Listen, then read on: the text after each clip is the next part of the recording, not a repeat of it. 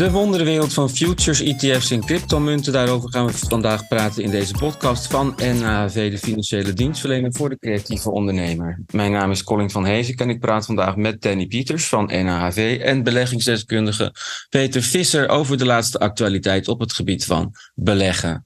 Goedemiddag jongens. Goedemiddag uh, Colin. Uh, heb je nog uh, mooie koopjes kunnen krijgen, Black Friday? Nee, ik heb niks gekocht. Nee, Jij wel? Nee, alleen maar koopjes op de beurs natuurlijk. Ja, en geldt daar ook uh, Black Friday? Of, uh... Nou ja, het is al een tijdje Black Friday op de beurs, toch Peter? Nou, het was een tijdje geleden al uh, heel erg Black Friday. De vorige podcast, toen stond het weer een stuk lager. Mm -hmm. Maar overigens, Black Friday is altijd een mooie indicatie voor de stand van de economie. Hè? Is het zo, ja? Als sales meevallen, dan is het meestal een boost voor de, voor de beurs, voor aandelen. Ja, ja. Nou, wordt wel naar gekeken. Het is nu geloof ik een hele week Black Friday of nog langer, toch? Ja. Nou, het wordt steeds langer natuurlijk. Ja. Uh, al die bedrijven die hebben gigantische voorraden opgebouwd. Ik dacht na corona, dit gaat dus niet nog een keer uh, gebeuren. En van die voorraden komen ze natuurlijk nu niet, uh, niet af. Maar is dat de reden? Dus al die producten die worden nu tegen een behoorlijke discount tijdens Black Friday verkocht. En dat slijt het behoorlijk in die winstmarge van die bedrijven. Ja. ja want al die, die grote retail, retailbedrijven, ja, die zitten met grote voorraden. En dan moeten ze toch een keer vanaf. Nou ja, dan maar tegen uh, een uh, lagere prijs. Oh, grappig, ja. Hey Danny, om te beginnen, wat uh, gebeurt er allemaal op de cryptomarkt? Hè? Cryptobeurs FTX is ingestort. Oprichter Sam Bankman-Fried zou naar Argentinië zijn vertrokken, maar hij zei nee, ik zit op de Bahama's. Zijn vriendin Caroline Ellison, wiskundegenie, schijnt ook een hoofdrol gespeeld te hebben in het drama. Kortom, je ziet eigenlijk al het scenario voor je van een Hollywoodfilm. Maar wat is er precies aan de hand, Danny? Nou ja, het is natuurlijk een heel bizar verhaal. Hè? Want die uh, Sam Bankman-Fried die, uh, was ontzettend populair in, uh, in Amerika. Hè? Want hij had volgens mij zelfs een senaatszetel. Hij sponsorde sportteams. dus hij was overal bij betrokken. En hij was pas 30 jaar, terwijl hij al 30 miljard had verzameld. Ja. Nou, van die 30 miljard is op dit moment volgens mij nog maar een miljard over. En hij was eigenaar van FTX. Dat was eigenlijk een, uh, een handelsplatform waar je uh, crypto's kon aan- en verkopen. En als je zelf geen wallet had, kon je daar ook je crypto's uh, stallen. Ja, ja en nu blijkt eigenlijk dat meneer Bankman-Fried die crypto's van zijn klanten gebruikt heeft in zijn andere bedrijven. Hm. Hij is die crypto's gaan uitlenen, als onderpand gaan gebruiken en is er zelfs in gaan handelen ja, met alle gevolgen van die. Mm-hmm. Nou, er is, uh, denk ik, in uh, november, begin november, is er een bericht naar buiten gekomen uh, via Coin, Coindesk. Dat is een, een onafhankelijke site, denk ik. Mm-hmm. waar melding werd gemaakt van dit soort praktijken. Ja, dat heeft ertoe toe geleid dat heel veel mensen die een account hadden bij FTX in een soort van blinde paniek zijn geraakt met alle gevolgen van die. Ja. Nou, dat betekent eigenlijk nu uh, dat FTX uh, faillissement heeft uh, aangevraagd. Ja. En dat er heel veel geld van klanten is verdwenen. We hebben ook weer in de krant kunnen lezen dat hij een deel van het geld gebruikt heeft om huizen voor zijn personeel te kopen. Ja. Hij heeft het dus eigenlijk gebruikt als zijn eigen portemonnee. Mm-hmm. dus het is nu zeg maar aan de nieuwe CEO die ze binnen hebben gevlogen, die ooit zeg maar ook ervoor gezorgd heeft dat er nog heel veel geld is teruggekomen ten tijde van het faillissement van Enron. Uh, die gaan nu proberen om uh, dat geld uh, te traceren. Om ervoor te zorgen dat nou ja, mensen die daar hun geld hadden gestald, maar ook heel veel institutionele partijen en beleggingspartijen, dat die uiteindelijk nog een deel van hun geld gaan terugkrijgen. Maar goed, dat is natuurlijk wel funest voor die hele cryptomarkt. Hè. Die was natuurlijk sowieso niet gereguleerd. Er werd natuurlijk al jaren uh, gevraagd om uh, regulering vanuit uh, de overheden. Mm. ja, dat zal de, de cryptomarkt geen goed doen. Hè? Want Binance, dat is een van de andere grote platformen samen met ja. Coin, Coinbase. Die heeft nog geprobeerd om FTX over te nemen, maar die was zo geschrokken van de toestand bij FTX dat hij zich heeft teruggetrokken. Ja. En ja, toevallig heeft de, de eigenaar van Binance vanochtend, om ook een beetje de rust te laten terugkeren in die cryptomarkt, Mhm. die heeft besloten om een fonds op te richten. Daar wil hij geld in stoppen. Om al die bedrijven die ook in die cryptomarkt eh, zitten en nu ook in de problemen komen. Mm. Om die in ieder geval te ondersteunen, zodat eh, die markt niet helemaal kopje ondergaat. Ja. Maar goed, het doet uh, het vertrouwen in die markt niet goed. Hè? En ik Nee. denk dat dat heel veel retail uh, beleggers uh, gaat afschrikken de, de komende tijd. Mhm. En ja, dat zal de koers van de bitcoin, de ethereum en alle andere munten Mhm. natuurlijk geen goed gaan doen op de lange termijn. Nee, het ging natuurlijk al niet zo lekker met de crypto's en nu ook dit nog. Ja. Dus dan kun je zeggen van nou, dit is toch een veel te riskante belegging. Of zeg jij juist van nee, het is nu juist een goed moment om in te stappen nu ze zo laag staan. Nou ja, dat hangt er een beetje vanaf hoe groot die olievlek nu al is en of die olievlek zich nog verder gaat verspreiden. Welke bedrijven er nog meer gaan omvallen. Want er zijn nu ook een aantal andere bedrijven die in die hoek zitten die het op dit moment zwaar hebben. dus dat gaat ook nog wel wat gevolgen hebben voor die hele cryptomarkt. Uh, ja, het zal ook heel veel af gaan hangen van uh, regulering. Hè? Uh, hoe sneller die overheden die hele cryptomarkt kunnen reguleren, hoe sneller het vertrouwen weer terugkomt. Maar of we ooit die waardes van 68, 69.000 dollar nog terug gaan zien, dat is maar een vraag. Ja. Ja, dat vertrouwen, ja, ik heb niet zo'n mening over crypto, maar het vertrouwen is natuurlijk wel echt cruciaal. Als, als jij geld belegt bij de ABN AMRO, dan mag je ervan uitgaan dat het systeem zo is ingericht dat de ABN AMRO niet met jouw geld kan gaan beleggen. Ja, ja. dat, is, dat, dat is goed geregeld en uh, iedereen heeft daar vertrouwen in. Maar bij crypto's, ja. dat zijn een soort cowboys die, ja. met, met geld schuiven, administratie is niet op orde. Ja, ik vind het doodeng. Ja. ja, de critici zeiden geloof ik altijd al van uh, het is gevaarlijk, want hij kan naar, ze kunnen naar nul. Ja, nou ja, dat, uh, dat, is, dat is een reëel risico natuurlijk. Ja, maar, maar oké, okay, dat, dat is je, je prijsrisico. Maar het risico mm. is blijkbaar ook dat iemand mm. allerlei dingen doet met geld wat jij stort. En ja. ja. Je soort fake uh, ja. Uh, afschrift krijgen van je hebt 10 bitcoins gekocht en uh, die eigenaar koopt een nieuwe Lamborghini. dat dat zo makkelijk kan eigenlijk. Hè? Ja, dat is wel apart. Ja, in dat bedrijf was ook gewoon helemaal niks vastgelegd. Hè? Als hij zijn werknemers toesprak, dan nam hij dat op en dan verspreidde hij dat bericht en het werd vervolgens werd dat gewist. En de mm. medewerkers die deden dat op dezelfde manier. Mm. Dus er is gewoon helemaal niks terug te vinden wat er zich in dat bedrijf de afgelopen oh. jaren heeft afgespeeld. Er is geen, geen administratie, geen compliance. Uh, Ze doen wat. Eng. Nee. Oké, okay. jongens, wat zijn de gevolgen van de midterm elections in de Verenigde Staten? Danny, ga jij daar wat over zeggen? Nou ja, er is een soort van status quo ontstaan in de Verenigde Staten. Normaal gesproken is het zo dat de zittende president het heel moeilijk heeft tijdens die midterms. En vaak ook op uh, zware verliezen ja. uh, komt te staan na die midterm elections. Alleen uh, omdat Trump zich uh, bij de Republikeinen nog een beetje in die verkiezingen heeft gemengd en ook een aantal kandidaten had aangesteld binnen die Republikeinse partij, is het die -hmm. Republikeinen toch niet helemaal gelukt om een meerderheid te krijgen in de Senaat en het Huis van Afgevaardigden. Mm -hmm. Want als zij een meerderheid zouden hebben gekregen in zowel de Senaat als het Huis van Afgevaardigden, dan hadden ze heel veel plannen van Biden kunnen dwarsbomen. Uh, en nu is het zo dat uh, de Democraten nog steeds een uh, kleine meerderheid hebben in de Senaat. Mm. en de Republikeinen die hebben nu een kleine meerderheid waarschijnlijk in het Huis van de Afgevaardigden. Mm. Dus dat betekent eigenlijk dat alle plannen die Biden had uitgevoerd, dat die gewoon uitgevoerd kunnen worden. Mm. Dus ja, dat is denk ik op de lange termijn goed voor de beurzen. Dat zorgt voor wat stabiliteit, of voor wat zekerheid.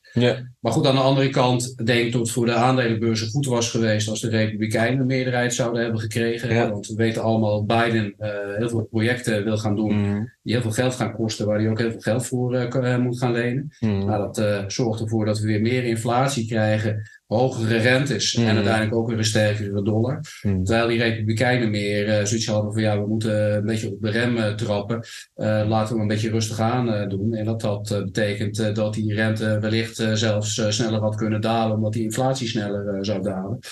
Dus ja, de tijd zal uitwijzen wat de effecten zullen zijn van uh, de status quo die nu is ontstaan. Peter, hoe kijk jij ernaar? Nee, ik kijk er uit beursperspectief naar. Mm -hmm. En ja, sinds beurstechnisch is het blijkbaar goed. Mm. Het is toch een soort, wat Danny zegt, status quo. Biden kan niet volgen op het gas met stimulatie. het is een beetje, ja, balanced. Mm -hmm. Dus ja, de markt is er oké okay mee. Overigens sinds 1962 en de midtermjaar of de eerste zes maanden uh, de, ongeveer de beste maanden op de beurs geweest in de US. Er zit Mm. geen negatieve periode bij. Mm. Dat zie je nu ook weer, beurstijg gewoon. Ja. Oké jongens, nou in Brazilië zijn ook verkiezingen geweest, presidentsverkiezingen. Daar heeft de linkse kandidaat Lula gewonnen van Bolsonaro. Danny, wat zijn daar de gevolgen van? Nou ja, eigenlijk uh, is daar een beetje dezelfde situatie ontstaan als in uh, Amerika. Uh, je kan Lula een beetje vergelijken met, met Biden. die willen ook heel veel projecten gaan doen en daar wil hij geld voor gaan lenen. En ja, Lula staat natuurlijk voor een sterke overheid. Die wil eigenlijk dat de overheid heel veel uh, doet. Terwijl Bolsonaro meer voor privatisering was van bedrijven, maar ook voor de economie. Mm. Ehm, dus ja, de tijd, zal, de tijd zal het uitwijzen wat er gaat gebeuren in, in, in Brazilië. Maar het feit is wel dat Lula natuurlijk meer uh, opkomt voor de onderkant van de samenleving. En hij heeft ook al gezegd: van, ja, ik uh, wil toch uh, die Amazone wat meer gaan beschermen. Dat is natuurlijk wel een belangrijk punt. Ja. Want onder Bolsonaro werd die Amazone natuurlijk heel snel gekapt. Mm dat ging in een hoog tempo. Maar goed, het is natuurlijk wel een rare situatie. Hè? Lula is al, uh, is al president geweest. Die heeft twee termijnen gehad. Uh, van 2003 tot en met 2010. Mhm. En toen is zijn protégé uh, Rousseff nog een tijdje premier geweest. Hij is uiteindelijk ook nog in de gevangenis terechtgekomen. Hij heeft twee, 2,5 jaar in de gevangenis gezeten. Ja. vanwege het aannemen van, van en fraude. Uiteindelijk is hij daar van vrij gesproken. En ja, nu wordt hij dan weer premier. President, ja. Maar goed, de vraag is, eh, wat, wat, wat gaat dat betekenen voor uh, Brazilië? Het is natuurlijk een land met heel veel uh, grondstoffen, mm. veel olie, heel veel commodities. En het gaat nu ook weer wat beter met Brazilië. Ja. maar goed, ja, de situatie is denk ik een beetje vergelijkbaar met, met Amerika als je het vanuit een politiek perspectief bekijkt. Peter? Nou, ik denk dat het heel fijn is dat dat de longen van de wereld uh, gered worden. Ja. Dat het niet verder afgebroken wordt. Tuurlijk, ja. Dat vind ik toch wel een fijn idee. het belangrijkste. Ja. ja. Het woud, het Amazonegebied. Ja.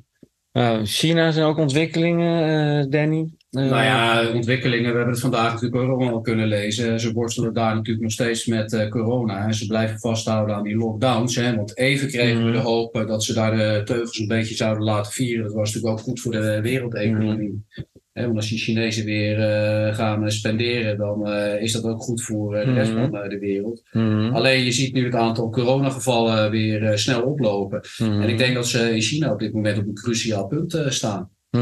ze hebben natuurlijk corona de afgelopen jaren door die strikte lockdowns de kop ingedrukt.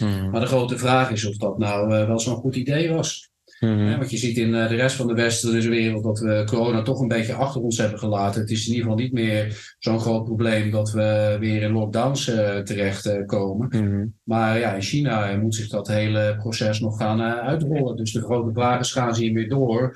Of laten ze het nu allemaal een beetje begaan? Zodat ze uiteindelijk in dezelfde situatie terechtkomen als, als hier in Europa en in Amerika. maar goed, ja, die lockdowns zijn dus niet goed voor, voor de wereldeconomie. Ja. conclusie kunnen we wel trekken. Maar dat we op een cruciaal punt staan is ook uh, wel duidelijk op dit moment. Peter? Ja, je ziet die onrust uh, bij Foxconn, hè, waar, uh, waar Apple, waar Apple -huh. iPads, iPhones gemaakt worden. Ja. Die arbeiders in, in, in, ja, in, opstand komen zelfs, wat voor China schijnbaar nog wel bijzonder is. Ja. Ja, goed, even vanuit economisch perspectief, dat is natuurlijk, ja, al die lockdowns, productie die stil ligt, ja, dat is niet goed. Nee. Ja, de vraag is hoe lang kunnen ze daarmee doorgaan? Ja. Ja, ja ik zie die zit redelijk stevig in het zadel. Dus ja. ja, interessant om te zien wat daar gaat gebeuren. Ja, je zou juist verwachten, nu die weer sterk in het zadel zit, eh, dat hij misschien de teugels juist een beetje laat uh, vieren. Ja. want het was natuurlijk uh, gezichtsverlies als hij nu uh, toch gaat moeten terugkomen van al die zware lockdowns. En nu hadden aangegeven van, goh, weet je, we laten de teugels vieren, ondanks dat het aantal coronagevallen oploopt. Maar uh, schijnbaar uh, zijn ze zover nog niet. Maar wie weet uh, aan het begin van 2023, kijk, als, als ze daar inderdaad die coronamaatregelen gaan loslaten en ze gaan dat beleid versoepelen, ja, dan heeft dat natuurlijk als gevolg dat dat een ontzettend grote stimulans is voor de wereldeconomie. Ja. Nou, een paar van die grote politieke dingen genoemd. Wat voor gevolg heeft dat dan bijvoorbeeld voor, voor jou als belegger, Danny? Wat, hoe reageer je daar dan op? Kun je daar een voorbeeld van noemen? Nou ja, kijk, zolang eh, China op eh, de rem eh, trapt, zal de economische groei wereldwijd ook beperkt worden. En ja, dat heeft natuurlijk nadelige effecten voor, voor aandelen. Hmm. zeker bedrijven die, die heel veel omzet ook behalen in China, die zullen daar heel erg last van hebben. En dat soort bedrijven zul je toch een beetje moeten vermijden. Ja. Maar goed, aan de andere kant, je kan natuurlijk ook eh, vanuit een eh, ander perspectief bekijken. Kijk, eh, China hanteert die lijn al een aantal jaren, sinds het mhm. begin van corona.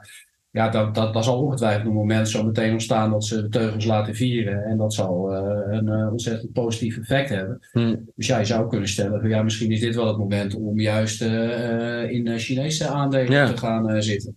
Ja. Er zijn natuurlijk een aantal Chinese aandelen, zijn gewoon ook in Amerika gewoon beursgenoteerd. Maar je hebt ook ETF's of beleggingsfondsen die zich richten op die regio. Dus ja, als je het vanuit dat perspectief uh, bekijkt en je hebt nog een beetje geduld, dan zou het helemaal niet slecht zijn om uh, uh, in Chinese aandelen te gaan beleggen. Hm. Peter? Ja, de laatste jaren hebben Chinese aandelen het over het algemeen niet zo heel goed gedaan. Hm. Eigenlijk underperformt de, de, de, beurs daar al heel erg lang. Dus hm. ja, ik zou daar heel voorzichtig zijn. Ja. En heel veel Chinese bedrijven nou, met een listing in, in New York. Hm. Die, er mag opeens niet meer gehandeld worden. Of bedrijf wordt. Ja. Amerika support dat bedrijf niet meer. Dus ja, het is hm. heel geopolitiek allemaal. Oké. Dus een risico waar ik ja. ver weg van blijf, normaal gesproken. Duidelijk. Ja, je krijgt niet echt grip op de situatie. Dat maakt het zo kan, lastig om kan, ook uh, iets te voorspellen. Ja, er kan elk moment iets gebeuren. Hm. Als je in uh, Chinese chip aandelen belegt. Mm -hmm. ja. Als een bedrijf opeens een ban krijgen vanuit de US. Ja, dan ja. zit je met je, met je aandelen. Hm. Ja, en die, en die, uh, die overheid in, uh, in China, uh, hè, nu, nu de president weer is herkozen, nu zal het misschien wel meevallen. Maar ze zijn natuurlijk als de dood voor bedrijven die te veel macht krijgen. De individuele personen die te veel vermogen verzamelen.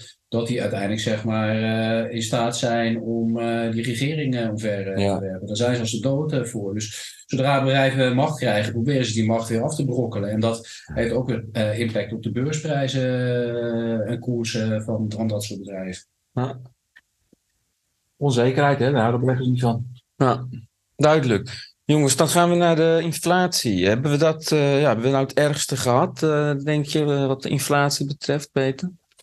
Ja, als je kijkt naar de laatste inflatiecijfers uit Amerika en Europa, dan lijkt het een beetje te pieken. Hm.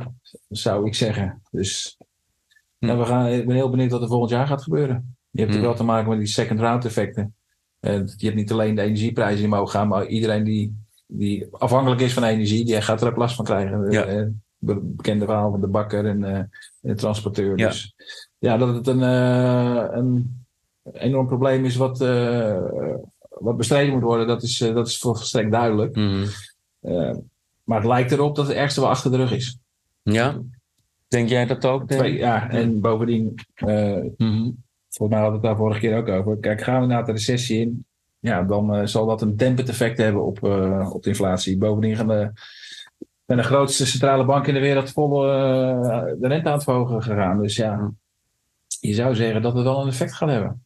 Mm. Hoe sterk en wanneer, ja, moeilijk, dat, is, dat, is, dat is niet in te schatten. Hm. Ik bedoel, het eerste kwartaal, dit, tweede kwartaal dit jaar zag ik ook dat vermogensbeheerders zeiden, nou, we hebben de piek gehad in, uh, in de inflatie. Hm. Ja, dat was het begin, weet je. Ja, dus ja.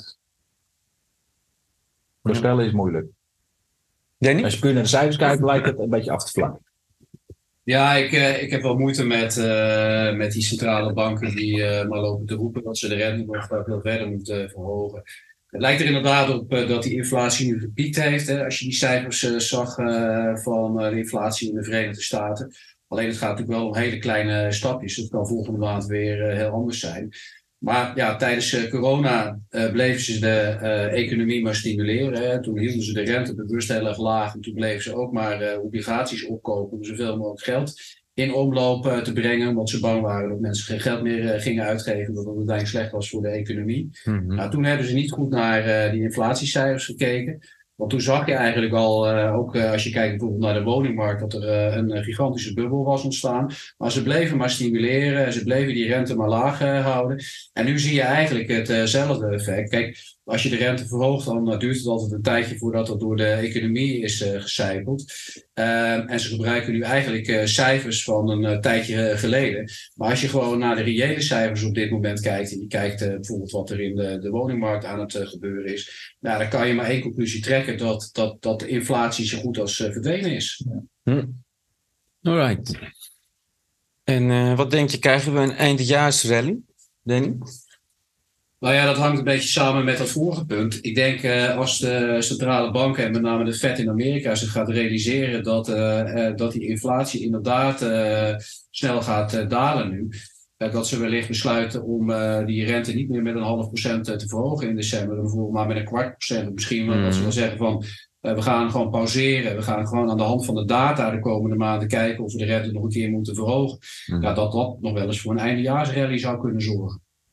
Peter? ik denk dat we al uh, een groot gedeelte van de eindejaarsrally hebben gezien. Ja. Sinds onze vorige podcast, uh, podcast, podcast mm-hmm. zijn we al uh, in de meeste beurzen al procent 6, 7, 8 gestegen. Ja. Dus we hebben al een flink gedeelte hebben al ontvangen daarvan. Ja. Het was een heel mooi instapmoment, dus achteraf. Heel goed gezien. Mm-hmm. en ja, december is doorgaans ook wel een redelijke maand. Ja. Dus uh, tenzij er hele gekke dingen gebeuren, denk ik uh, dat we nog wat hogere koersen gaan zien uh, richting einde van het jaar. Mm-hmm. Ja, ik, ik, ik, hè, wat jij net aangeeft, we hebben natuurlijk een week of twee, drie geleden hebben we die, die ene donderdag gehad tot de koersen zo stegen vanwege het feit dat dat inflatiecijfer mee, meeviel. Ja. En dat bewijst eens te meer dat je als belegger gewoon gedisciplineerd moet zijn. Uh, niet te snel moet uitstappen op het moment dat je verliezen uh, leidt. Nee, want dat zorgt er ook weer voor dat, dat je weer bang bent om uh, uiteindelijk in die markt te stappen. Ja, en dan mis je dus dit soort dagen. Want het maakt echt wel een groot verschil als je dit soort dagen meepakt. of dat je aan de kant blijft kijken en op een ander moment weer instapt. Want dat beperkt gewoon je rendement gigantisch op de lange termijn. Ja, precies wat Danny zegt. Als je, als je in paniek raakt, ja, dan, dan kan je beter niks doen. Ja. Uh, maar een week of zes geleden, toen we die low in de beurs zagen. Ja, ik zat er, uh, ik was zelf aan het handelen en uh, ja, je, zag, je zag de paniek uit je scherm komen, zeg maar. Ja, dan zijn er gewoon toch mensen die scheef zitten of die hele portefeuilles moeten, moeten verkopen. Is de partijen die, misschien verlies hebben in een obligatieportefeuille en om wat te hedge eh, verkopen ze, of dat ze cash nodig hebben, verkopen ze aandelen. Hm. Ja, dan gaat het er keihard in. No mercy. We take no prisoners. Dan wordt het gewoon sell, sell, sell, sell. Hm. Dat, ik heb zelf ook eh, heel vaak gehandeld voor Amerikaanse beleggers. Ja, ja. Die zijn rukzichtloos. Gewoon, de, orde moet vandaag af. En als je het aandeel 6% lager zet, we don't care. Hm.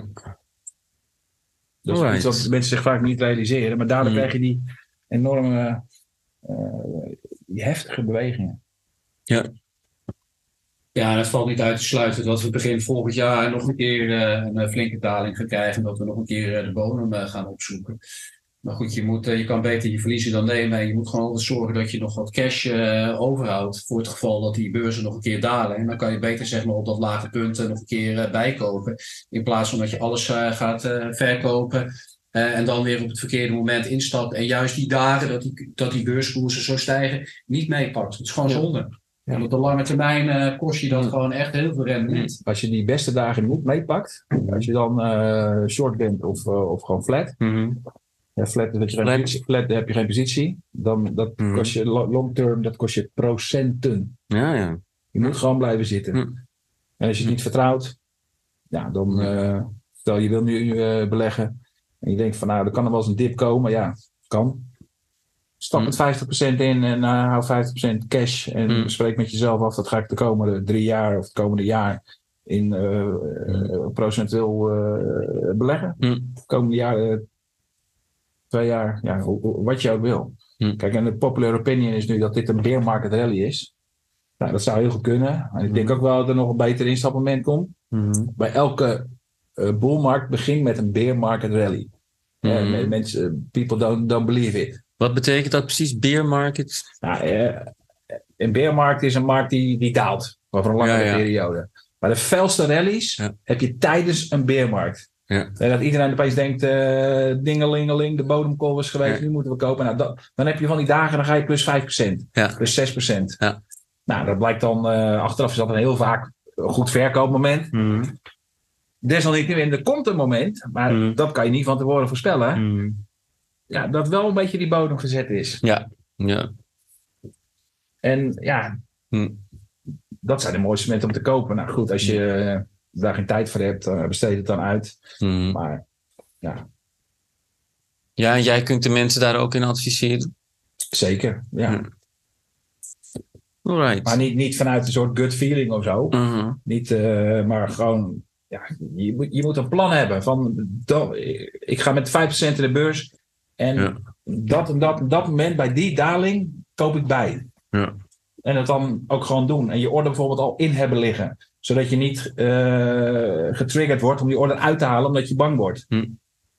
Als, het, als het niet goed voelt om te kopen, is het heel vaak een goed moment. Lijkt me achteraf. Ja, als de beurzen donkerrood eh, kleuren, dat is meestal het moment eh, dat je moet toeslaan. Alleen mensen doen dat vaak eh, niet.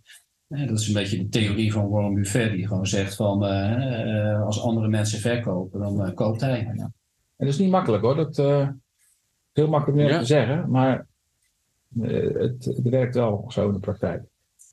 Dus je moet, eh, je moet eigenlijk, eh, want dat is de discipline, je moet eigenlijk alleen maar ko- kopen als de beurskoersen dalen. Maar mensen hebben vaak de neiging om juist te kopen als het eh, allemaal goed gaat op de beurs. Ja. Want dan krijgen ze een goed Ja. gevoel en dan, dan lijkt het alsof de bomen tot in de hemel groeien. Dan kopen ze nog wat. Nee, het zijn juist de dagen dat, dat, die, dat die beurzen zo dalen, dat er behoorlijk wat angst in de markt zit. Dat, is, dat, Mm. dat zijn de momenten om te kopen. Hm. Maar daar moet je heel gedisciplineerd voor zijn. Ja, en als je er niet tegen kan, weet je, dan moet je ook gewoon niet kijken wat je, wat je aandelen die dag doen. Dan kan je beter een eh wandelingetje gaan maken en dan laat je die dag gewoon aan je voorbij gaan. Hm. Eh, maar discipline is wel eh, een belangrijk woord. En als je, als je geschoren wordt, kan je beter stil blijven zitten. Ja. Eh, dat blijkt iedere keer weer. En je kan beter wachten op betere tijden in plaats van alles in Ja. paniek te gaan verkopen. En waar je bijvoorbeeld naar kan kijken is de VIX-index. Die, hè, dat is de volatiliteitsindex. Die, die geeft maximum fear aan, zeg maar. En dan kan het de volgende dag altijd nog erger zijn. Ik bedoel. Maar die crisis heeft fix maar gepiekt op uit mijn hoofd 70 of zo. Mhm. Eh, nu met deze crisis, of de afgelopen jaar was de piek, dacht ik 35. En nu al een hele tijd stabiel rond de 20. Maar goed, op die hele rode beursdagen, dan zie je die fixen omhoog knallen. Ja, ja. En ja, dat is vaak niet sustainable. Dus zodra die fix begint te dalen, kan je ook weer Hm. assets gaan kopen. Hm.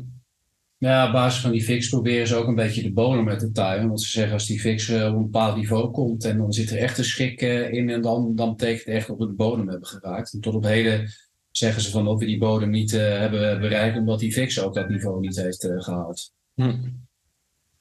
Maar goed, je, je laten regeren door angst is eh, nooit eh, goed. En eh, ja, het blijkt iedere keer weer als je bepaalde discipline hebt. En eh, je hebt een wat langere horizon. Hè, want dat is denk ik ook het belangrijkste. Mensen die eh, een horizon hebben van twee, drie of vijf, of misschien wel langer. Ja, dan moet je je geen zorgen maken op dat soort eh, dagen. Daar, Nee, sterker nog, je moet het omdraaien. Het is eigenlijk een feestje als die beurs eh, heel hard daalt. Als jij een lange horizon hebt en Ja. je wil de markten, ja, dat zijn gewoon eh cadeautjes. Ja. Ja, de- een beetje afhankelijk wat de reden is. Als de, als de economie implodeert, ja, misschien ben je dan niet zo heel erg blij eh, in je baan of whatever. Ja. Maar laten we zeggen dat het allemaal in orde is. Mhm. En je hebt geld om te beleggen, ja, dan, als die beurs eh, ja, 10% lager staat, ja, dan moet je wat doen.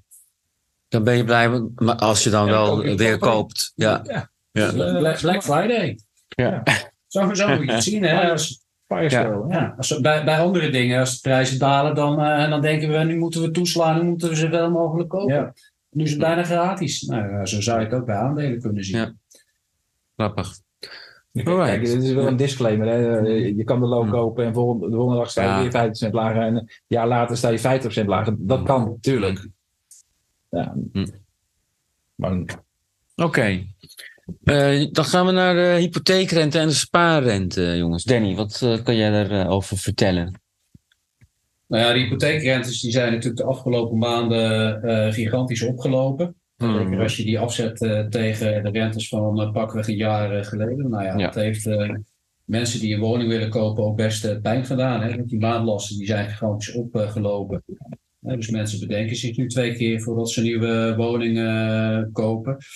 Ehm, ja, je ziet het ook een beetje terug eh, aan, de, aan de huizenprijzen op dit moment. Hè. Met name in de grote ste- steden dalen die prijzen op dit moment. En de rest van het land zijn ze een beetje aan het eh, stabiliseren. Mhm. Nou ja, de spaarrente aan de andere kant is eh, niet of nauwelijks van zijn plek gekomen. Je ziet nu zeg maar dat een aantal buitenlandse partijen de rente aan het verhogen is. En dan gaat het met name om de variabele rente. Hmm. Dus eh, de verwachting is wel dat die spaarrentes dat die een inhaalslag eh, gaan eh, maken. En dat die in de loop van volgend jaar op een iets hoger niveau komen te liggen. En dan wordt het ook weer interessant zeg maar, om je geld op een spaarrente of wat langer in een deposito te stoppen. Ja. Uh, nou ja, aan de andere kant, ja, het hangt ook een beetje af van de, de ontwikkeling van de rente. Kijk, als je er nu vanuit gaat dat hij gepiekt heeft, nou, dan zullen die hypotheekrentes nu ook wel gepiekt hebben, want die, die zijn nu alweer iets aan het dalen. De verwachting is dat ze nog wel iets meer gaan dalen. Nou, datzelfde kan je natuurlijk van die spaarrentes zeggen. Dus dan, is, dan komt er op een gegeven moment dat je, dat je op dat moment je geld wat langer moet vastzetten in een deposito. Hmm. Zeker als je ervan uitgaat dat we naar een recessie gaan en die rentes dan wellicht wel weer gaan dalen. Ja, maar de rentes zijn, uh, zijn vrij hoog en die zijn veel sneller opgelopen. Uh, ja, dus, dus de verwachting is wel, zeker als uh, die centrale banken de rente wat minder snel gaan verhogen, misschien wel gaan pauzeren, dat die hypotheekrentes vanaf begin volgend jaar ook alweer iets gaan dalen naar normalere niveaus. Maar de grote vraag is of we ooit nog die lage rentes gaan zien die we een jaar geleden hebben gezien. Dat, mm. waag, ik, dat waag ik te betwijfelen. Peter? Je, je zag in Nederland toch die, die 10 jaar rente al redelijk afkomen. Ja, als je... 280 naar 210 al in een paar weken. Ja, dat is uh, vrij snel uh, gegaan uh, de afgelopen periode. Ja. Mm. Ja, je, ziet, je, ziet, het ook aan de Duitse rente. Volgens mij zit die alweer onder de 2% ja. 10 jaar. Mm. Dat heeft allemaal met die verwachtingen te maken dat die centrale banken toch heel snel gaan pauzeren. En misschien wel, als we zo meteen in de recessie terechtkomen, de rente weer gaan, gaan laten dalen. Ja. En de huizenprijzen, Danny, hoe staat het daarmee? Nou, dat hadden, daar hadden we het net natuurlijk ook al over. Die huizenprijzen die eh, zijn in Nederland een beetje aan het eh, stabiliseren. Uh, maar het valt niet uit te sluiten dat uh, de prijzen de komende periode wat gaan dalen. Mensen zijn toch een beetje afwachtender geworden vanwege die hoge lasten. De rente is natuurlijk heel snel opgelopen. En we zitten nu eigenlijk qua rente op het niveau van 10, 12 jaar geleden. Hmm. Dus als je nu een huis uh, koopt, dan uh, ja, zijn je maandlasten ook uh, lager. En dan mag je blij zijn dat je nog hypotheekrenteaftrek hebt. Hmm. Waardoor de netto-lasten nog redelijk betaalbaar blijven. Hmm. Maar mensen ja, gaan meer afwachten. Het aanbod qua huizen neemt toe. Mhm. Ja, dus dat betekent ook dat mensen die hun huis in de verkoop zetten, uh, toch sneller ook weer die prijzen gaan verlagen. Mm. Dat ze snel van dat huis af willen, omdat ze zelf waarschijnlijk ook weer een huis hebben gekocht. Mhm. Dus ja, de verwachting is wel dat die, uh, dat die prijzen uh, het komend jaar wel iets gaan, gaan, gaan dalen. Mhm. maar goed, aan de andere kant is het ook weer een gezonde correctie, want tijdens corona zijn die prijzen dusdanig opgelopen dat die prijzen wel wat kunnen hebben. Die kunnen wel tegen een stootje. En we hebben hier in Nederland ook best wel wat vet op de botten. Hm. Eh, gemiddeld uh, heeft een huis volgens mij uh, 175.000 euro overwaarde in Nederland. Hm. Dus ja, die prijzen moeten wel heel hard dalen, wil die overwaarde van de gemiddelde Nederlander als sneeuw voor de zon verdwijnen. Nou, dat zal ook niet gebeuren, toch? Nee, dus, dus er is genoeg vet op de botten. Ja, Het, het, zal, het, zal, uh, het is natuurlijk nooit leuk als je huis uh, minder waard wordt. Want hè, daar is toch het vertrouwen van de consument een beetje op gebaseerd. Hmm. Als de huizenprijzen blijven stijgen, dan ben je toch sneller geneigd om dure uitgaven te doen. Ja. Maar aan de andere kant, uh, zeker als je het vergelijkt met de situatie van 2008 hebben we veel meer verder te botten, lopen we wat minder risico. Dus ja, de prijzen zullen wel dalen, maar het zal niet zo erg zijn dan uh, in de periode 2008-2013, dat we echt uh, vijf jaar lang uh, nou ja, lage huizenprijzen hebben gekend en dat die huizen, huizenmarkt helemaal op slot zat. Ja, Peter? Ja, ik denk dat hij helemaal gelijk in heeft. Het enige verschil is hopelijk met toen. Mm. Dat, ik kan me herinneren dat de, de Nederlandse overheid toen ook allerlei maatregelen uh, instelde. Eigenlijk een beetje op de lovende markt om lenen moeilijker te maken. En hmm. de loan to value in Nederland was te hoog en bla bla bla. Dat heeft, dat heeft voor mij een enorm effect gehad toen. Uh. Oh, wat, wat voor manier? Ja, als, jij, als, de, als die markt slecht is en mensen zijn heel erg uh, aarzelend om, om een huis te kopen. En je gaat dan tegen ze zeggen dat ze minder kunnen lenen. Ja. Of dat ze meer eigen geld mee moeten brengen. Wat op zich natuurlijk heel helemaal niet slecht is. Maar de timing was achteraf mhm. niet zo heel erg handig, had ik het idee. Mhm. En dat kon je volgens mij toen ook wel beredeneren. Ja. Eh, de huizenmarkt is voor de economie echt belangrijk. Ja. Als er veel huizen worden verkocht, ja, mensen gaan naar, uh, kopen een keuken, gaan, mm. kopen nieuwe, uh, nieuwe meubels. Ja. Hè, dat is gewoon een enorme aanjager. Ja, ja, Daarom duurt de crisis in Nederland toch langer dan in andere uh, Europese landen. Ja.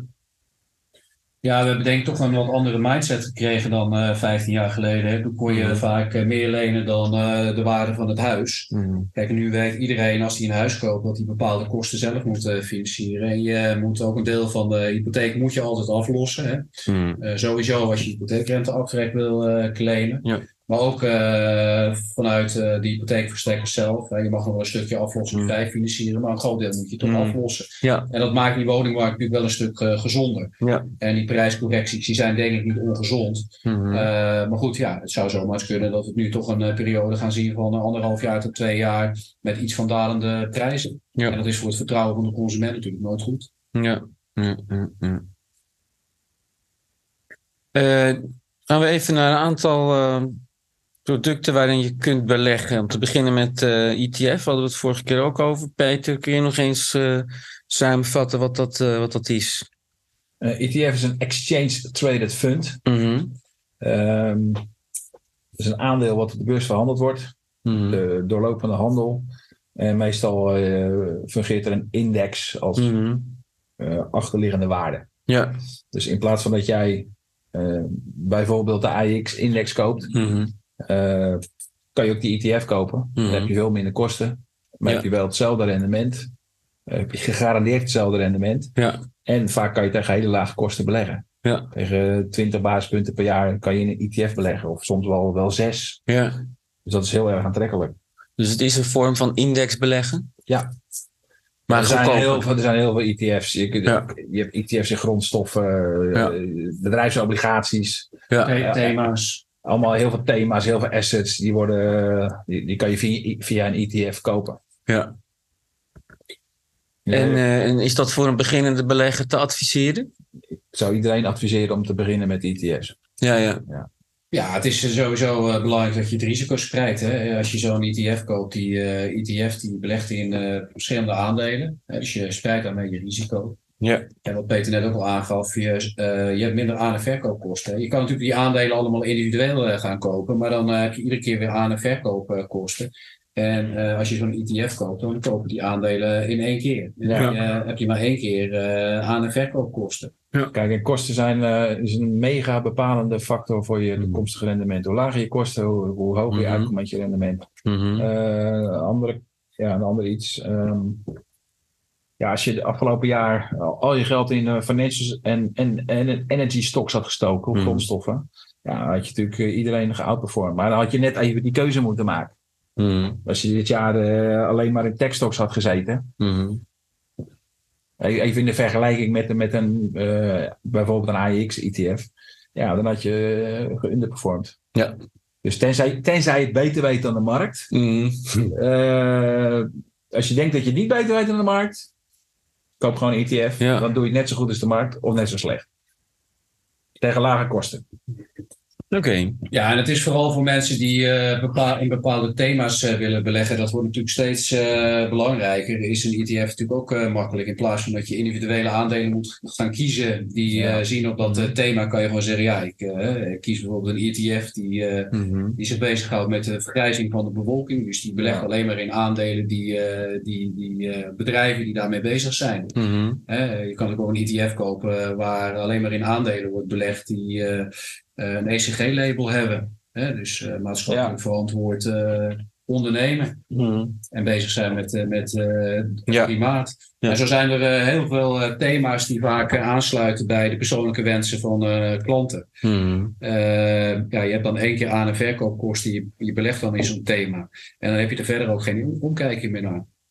En je bent niet afhankelijk van, als we het dan even vergelijken met een beleggingsfonds, je bent niet afhankelijk van de grillen en grollen van de fundbeheerder. Of, Ja. of eh, dat je bij Triodos zit en dat ze de handel dichtgooien, dat je je, je, je stukken niet kan verkopen. Ja. ETF is gewoon eh, is gereguleerd, wordt op de beurs verhandeld. is eh, eigenlijk ideaal. En je kan het helemaal tweaken inderdaad, zoals je zelf wil. Alle, alle soorten Hm. assets, grondstoffen, you name it, wordt wel eh, verpakt in een ETF. Ja. Ideaal. Ja, als jij bijvoorbeeld cybersecurity een belangrijk onderwerp Ja. vindt, dan kan je een ETF kopen die je belegt in bedrijven die zich daarmee bezighouden. De cybersecurity ETF. En er zijn ook Hmm. verschillende partijen die, Ja. die dat soort ETF's eh, aanbieden. Ja, het is gewoon een hele overzichtelijke en makkelijke manier van beleggen zonder dat je al te veel kosten eh, Ja. hoeft te maken. Hmm. Het is wel zo, dat, dat is nu ook wel eh, bewezen, dat als je met name in thema's belegt, dat je dan altijd de bredere markt onderperformt. Eh, dus, dus als je bepaalde principes hebt, Mhm. eh, je zegt, nou, eh, op basis van die principes kies ik een bepaald thema. Betekent het altijd dat het je gewoon wat rendement kost. Maar ja, principes kosten meestal geld. Dus dat is ieder, ieder zijn keuze natuurlijk. Ja. ja. Dus in het geval van groen uh, beleggen kun je daar gewoon voor kiezen. Ietsje minder rendement uh, te pakken. Ja. Ja. ja. Oké. Okay. Uh, wat kan je met opties, Danny?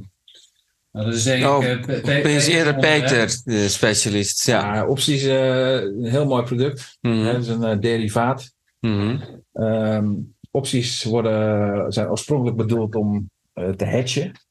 Je kan je portefeuille mee. Mm. Uh, maar ze worden ook heel erg uh, veel gebruikt. Ik denk meer om mee te speculeren. Ja. Uh, er zit een hefboom in. Ik zal even, nou, thuis even, vergeet het maar even. Maar er zit een hefboom in dat je met een relatief kleine investering heel hoog rendement kan behalen. Ja. ja dus, In principe is dat je eigenlijk gaat gokken dat de koers van een aandeel op een gegeven moment hoger. Ja. ja. ja, en in dat geval kan je de aandelen kopen. Ja, dan koop je hem vast. Maar je kan ook een call-optie kopen. Ja. En uh, ja, komt jouw visie uit, dan Mhm. verdien je veel meer dan dat je alleen de stukken had gekocht. Uh, nadeel is wel, een optie heeft een uh, afloopdatum. Ja. En die expireert een bepaalde datum. Ja. Nou, voor die expiratiedatum moet jouw visie wel uitgekomen zijn. Ja, precies. Maar er zijn heel veel manieren om met opties bezig te zijn. Maar je Ehm, hebt call-opties en put-opties. Ja, als je call, een call uh, geef je het recht om te kopen. Gedurende een bepaalde periode Ja. tegen een vooraf vastgelegde prijs. En met een put kan je, uh, heb je het recht om te verkopen. Ja. Dus ik heb 100 aandelen Philips. Mhm. Ik koop een put. Mhm. En die put loopt af in januari. Dan mag Mhm. ik tot de derde uh, handelsvrijdag van Mhm. januari. Mhm. Gedurende die periode, Mhm. maar niet langer, heb ik het recht om die aandelen te verkopen. Dat heet het uitoefenen van je put. Tegen de uitoefenprijs. En nou ja, laat dat 30 zijn, dan heb je drie maanden lang of twee maanden lang het recht om die aandelen te verkopen tegen die prijs. Ja. Dus eigenlijk gewoon een soort ja, vergelijk met een brandverzekering van je huis. En als En die dan is- onder die prijs gezakt is, dan eh, heb je het goed gedaan. Dan kan je twee dingen doen. Of je eh, oefent die put uit, je Hmm. e- exercise hem, Mhm. eh, of je verkoopt de put. Ah, ja. Want ja. eh, als die Ja. put een strike heeft van 30 Ja. en die aandelen is dan 18, Ja.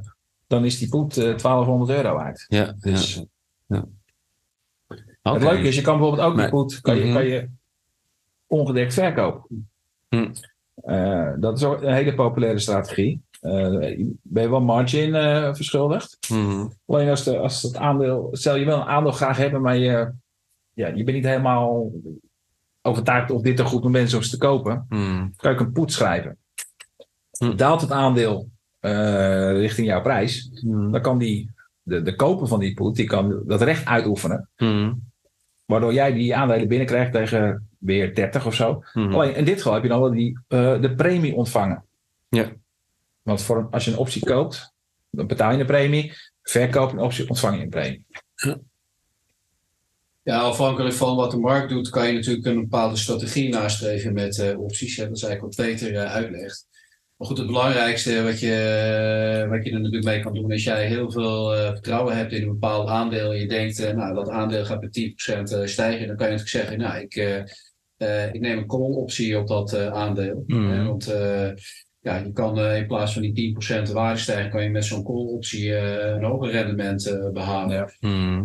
En en aan de andere kant, als je nu denkt van ja, begin januari eh, gaan die aandelenkoersen gaan dalen, dan kan je bijvoorbeeld zeggen, nou ja, dan neem ik een put-optie. Mhm. Dan eh, krijg je inderdaad het recht om eh, dat aandeel tegen een bepaalde waarde eh, te verkopen. En als die markt zo meteen daalt, Ja. dan verdien ik eh, geld in die dalende markt. Ja. En dat is een soort van verzekering voor de, da- voor de, Ja. voor de eh, daling van mijn eh, aandelenportefeuille. Ja. En wat je ook kan doen is calls verkopen. Ah, Verkoop je aan iemand, iemand anders het kooprecht. En dan krijg je Ah. een premie voor.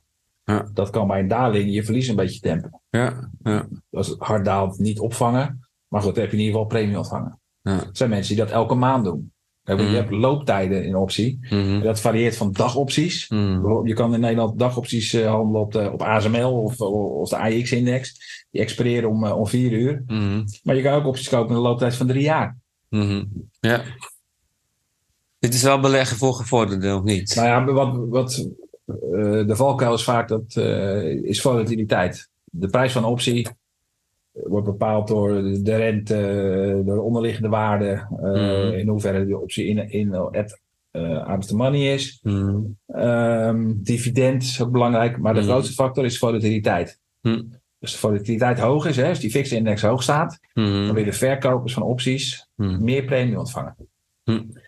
Als dus de volatiliteit heel hoog is en jij denkt dat het overdreven is, dan kan je opties verkopen. Maakt niet eens zo heel veel uit hoeveel calls of puts verkoopt, maar dan ontvang je die ingeprijsde volatiliteit. En zodra de, zodra de koersen zeg maar gelijk blijven, Hmm. hè, dus nog niet eens heel veel bewegen, maar, die, maar de paniek neemt af, dan daalt de volatiliteit in de optie, wordt die optie goedkoper, kan je hem terugkopen. Hm. Niet zonder risico. Moet je, wel een beetje, je moet genoeg geld hebben en ook een beetje stalen zenuwen, maar het is een hele mooie strategie. Hmm. Alright. Eh, private equity, is dat ook eentje voor jou, Peter? Eh, private equity, nou, niet heel erg. Nee. Danny? Ik weet wel dat het nu heel erg aangeprezen wordt als, eh, ja, als alternatieve obligaties en aandelen. Mhm. Ik altijd van ja, private equity, dat geld gaat toch ook naar bedrijven toe die wellicht misschien ook Hmm. last kunnen hebben van een recessie. Hmm. Ja, kijk, eh, private equity, daar zitten veel institu- institutionele beleggers, maar ook eh, heel, hele grote, er zitten familie, familiebedrijven en families Ja. die eh, over heel veel vermogen beschikken. En Hmm. die stellen dan eigenlijk vermogen beschikbaar aan bedrijven die niet beursgenoteerd zijn. En ze proberen dan Hmm. eh, die bedrijven te sturen om uiteindelijk een eh, rendement eh, te behalen. Hmm. Nou ja, dat kan natuurlijk een strategie zijn. Hè? Zeker als je het risico een beetje wil spreiden, dan zou dat best een goede investering kunnen zijn om daar eh, op mee te liften. En er zijn steeds meer fondsen die zich op Ja. private equity richten, waar je ook als eh, individu op kan richten. Hmm. Dus dat, eh, als je, zeker als je wat spreiding wil aanbrengen in je portfolio, dan kan dat een goede optie eh, zijn. Ja. Maar de, de, de, de instapdrempel is vaak vrij hoog inderdaad. Je moet echt veel, ja, als je minder dan eh 2,5 ton meeneemt, dan, ja, dan, Ah, dan zijn de kosten voor dat fonds ook Ja. weer te hoog voor particulieren. ja. Maar de slimme vermogensbeheerders die bieden het inderdaad aan dat je wel met meerdere mensen kan participeren. Ja. Dus het is wel een heel mooi product. Ja. Eh, Ja. Pensioenfondsen vinden het geweldig. Er gaat heel veel Nederlands pensioengeld naar eh, private equity. Ah, ja. Ja. Je, zou, je zou dan bij wijze van spreken zeg maar in NAV kunnen beleggen. Ja. Dat is eigenlijk een beetje het eh, principe. hè. Dus dan eh, beleg je niet in beursgenoteerde eh, Mhm. bedrijven, Hmm. maar gewoon in, de, in de private markt. En Dat kan, dat kan ieder bedrijf natuurlijk zijn. Ja, die markt wordt met name veel gebruikt door vermogende families. Ja. Vermogende Ja, mensen met. Partijen met een langere horizon. Ja. En ja, private equity heeft natuurlijk wel als voordeel dat je niet, dat je hebt niet de tucht van de aandelenmarkt. Je hoeft er niet vier keer per jaar cijfers eh, te presenteren. Mm, hè. Ze mm, kunnen wat meer onder de radar eh, een ding doen. En dat is Mm. vaak goed voor, eh, voor het resultaat. Ja, en je hebt vaak een korte lijntje, hè? want als je belegt in dat soort bedrijven, dan heb je ook vaak wat te zeggen. Dus dan kan je ook eh, sturen. Mhm. En dat zie je vaak gebeuren. Ja. Oké jongens, eh, jullie willen zo eh, voetbal kijken. Dus ik zou zeggen, is er nog iets eh, wat, waarvan je zegt, dat moeten we in deze podcast nog even meepakken? Nou Of ja, we gewoon Ik, ik, heb er wel één onderwerp, daar hebben we denk ik in de vorige Aha. podcast ook over gehad. Hè. We krijgen natuurlijk ook vaak vragen van eh, klanten, ja, hoe eh, ziet mijn ideale asset allocatie eruit? Hè? Want wij adviseren niet over individuele aandelen. Mhm. En we, zijn, eh, we zijn wel financieel planners en we helpen mensen met een allocatie die past bij hun situatie. En dan kunnen ze daar zelf mee naar hun vermogensbeheerder of hun bank. Een allocatie? Ja, een allocatie. Hè. Dat Wat is dat? zeggen ja, dat je een deel in aandelen moet Mhm. beleggen. En het kan bijvoorbeeld ook zo zijn dat het interessant kan zijn bijvoorbeeld in obligaties eh, te beleggen, in Mhm. staatsobligaties. Ja. Kijk, de afgelopen 15 jaar was de, was de, was de rente vrij laag. En ehm, daarvoor werd altijd gezegd, ja, als je gaat beleggen, dan moet je in verhouding 60-40 beleggen. Ja. 60% in aandelen en 40% in obligaties. Mhm. Ja, wat, wat betekent dat? Ja, op het moment eh, dat het eh, slecht gaat met de economie, dan Mhm. daalt vaak de koers van aandelen. Mhm. Uh, maar dan daalt vaak ook uh, de rente. En dat betekent vaak dat de waarde van de staatsobligatie Mhm. stijgt. Mhm. Dus in feite, als jij uh, een deel van je portefeuille in staatsobligaties Mhm. belegt, dan uh, kan je het risico beperken. Mhm. dus als, je, als, als er sprake is van een recessie, heb je toch wat opbrengsten, omdat die obligaties meer waard worden. Ja. Nou, vanwege die lage rente was dat jarenlang niet interessant. Alleen nu, doordat die rente in zo'n korte periode is opgelopen, uh, zie je ook dat het rendement op staatsobligaties steeds uh, verder oploopt. Uh, en zeker omdat we nu een beetje op het snijpunt zitten van gaan ze die rente nog verder verhogen of komen zo meteen in een recessie terecht en moeten ze die rente misschien wel gaan verlagen. Hmm. Is dit misschien wel bij uitstek een moment om na te denken om in staatsobligaties te gaan beleggen? Ja. Nou, hier in Europa is de rente wat lager. Hè? Dus uh, Peter had het er net ook al over. Hè? Als je nu naar een, een, een staatsobligatie hier in Nederland kijkt met een looptijd van 10 jaar, dan zit je net boven de 2%, 2,1%. Maar als je bijvoorbeeld in Amerika kijkt, daar worden staatsobligaties uitgegeven uh, voor een periode van twee jaar. En dan heb je gewoon een rendement van 4,2% op dit moment. Hm. Ja, dus dat uh, kan interessant zijn. Hm. In Amerika is het wel weer lastig, omdat je dan ook een valutarisico uh, loopt. Maar ervan uitgaande dat we zo meteen in 2023 in een recessie terechtkomen, dan zou dit eigenlijk een heel goed moment kunnen zijn om die obligaties te kopen. Ervan uitgaan dat die obligaties meer waard worden Hmm. als de rente uh, op een gegeven moment weer gaat uh, zakken. Ja. En ja, het voordeel van staatsobligaties is eigenlijk dat je weinig risico loopt. Hè, want ze worden uitgegeven door de staat. Dus het is eigenlijk een risk-free rendement. En je krijgt uh, rente vergoed uh, ieder jaar. En daarnaast heb je nog zeg maar uh, dat die koers kan, kan stijgen. Maar goed, die kan ook dalen. Daar zit ook een risico aan vast. Hm. maar ja, ik denk dat het een heel goed moment is om daar serieus over na te denken. Om zo je portfolio wat beter te, te spreiden. Maar goed, we zijn het hier aan tafel wel redelijk over eens dat inflatie wellicht gepiekt heeft of ja. aan het pieken is. Uh, dat rentes eerder uh, zullen stabiliseren of misschien zelfs dalen dan stijgen. Ja. Dus ik denk dat Danny een uh, goed punt heeft. Overigens, als je in de AX belegt, maak je 3% dividend. Hè? Ja. Dat, eh, bij de Nederlandse staat krijg je 2%. Ja. Dat is ook wel iets om naar te kijken. Ja, alleen, alleen het risico is wat minder groot. Dus dat, dat moet je als klant tegen elkaar afwegen. Ja, dat is helemaal afhankelijk van iemands persoonlijke situatie natuurlijk. Ja. ja. Maar het is wel een goed moment om daarover na te denken. Zeker als je wat meer rendementen wil behalen. En zeker ook uh, omdat die spaarrentes nog steeds heel erg laag uh, zijn. Ja, dan is dat echt een ideaal moment om uh, die verhouding weer terug te brengen naar 60-40. Ja, dat hebben we eigenlijk al afgelopen 15 jaar niet meer gezien. En bovendien, stel dat je dat doet, je, dat je die 60-40 aanhoudt. Mm -hmm. ja, dus het is niet gezegd dat je dat altijd moet vasthouden natuurlijk. Ja, dan kan je binnen die 46 kan je switchen ja. als het er goed uitkomt. Ja. ja. ja. Oké, okay, jongens, dank jullie wel weer. En uh, ik zou zeggen tot de volgende keer. Graag gedaan, Graag gedaan uh, Colin. En uh, gaan we voetbal kijken. Fijne wedstrijd. Dankjewel. Doei. doei.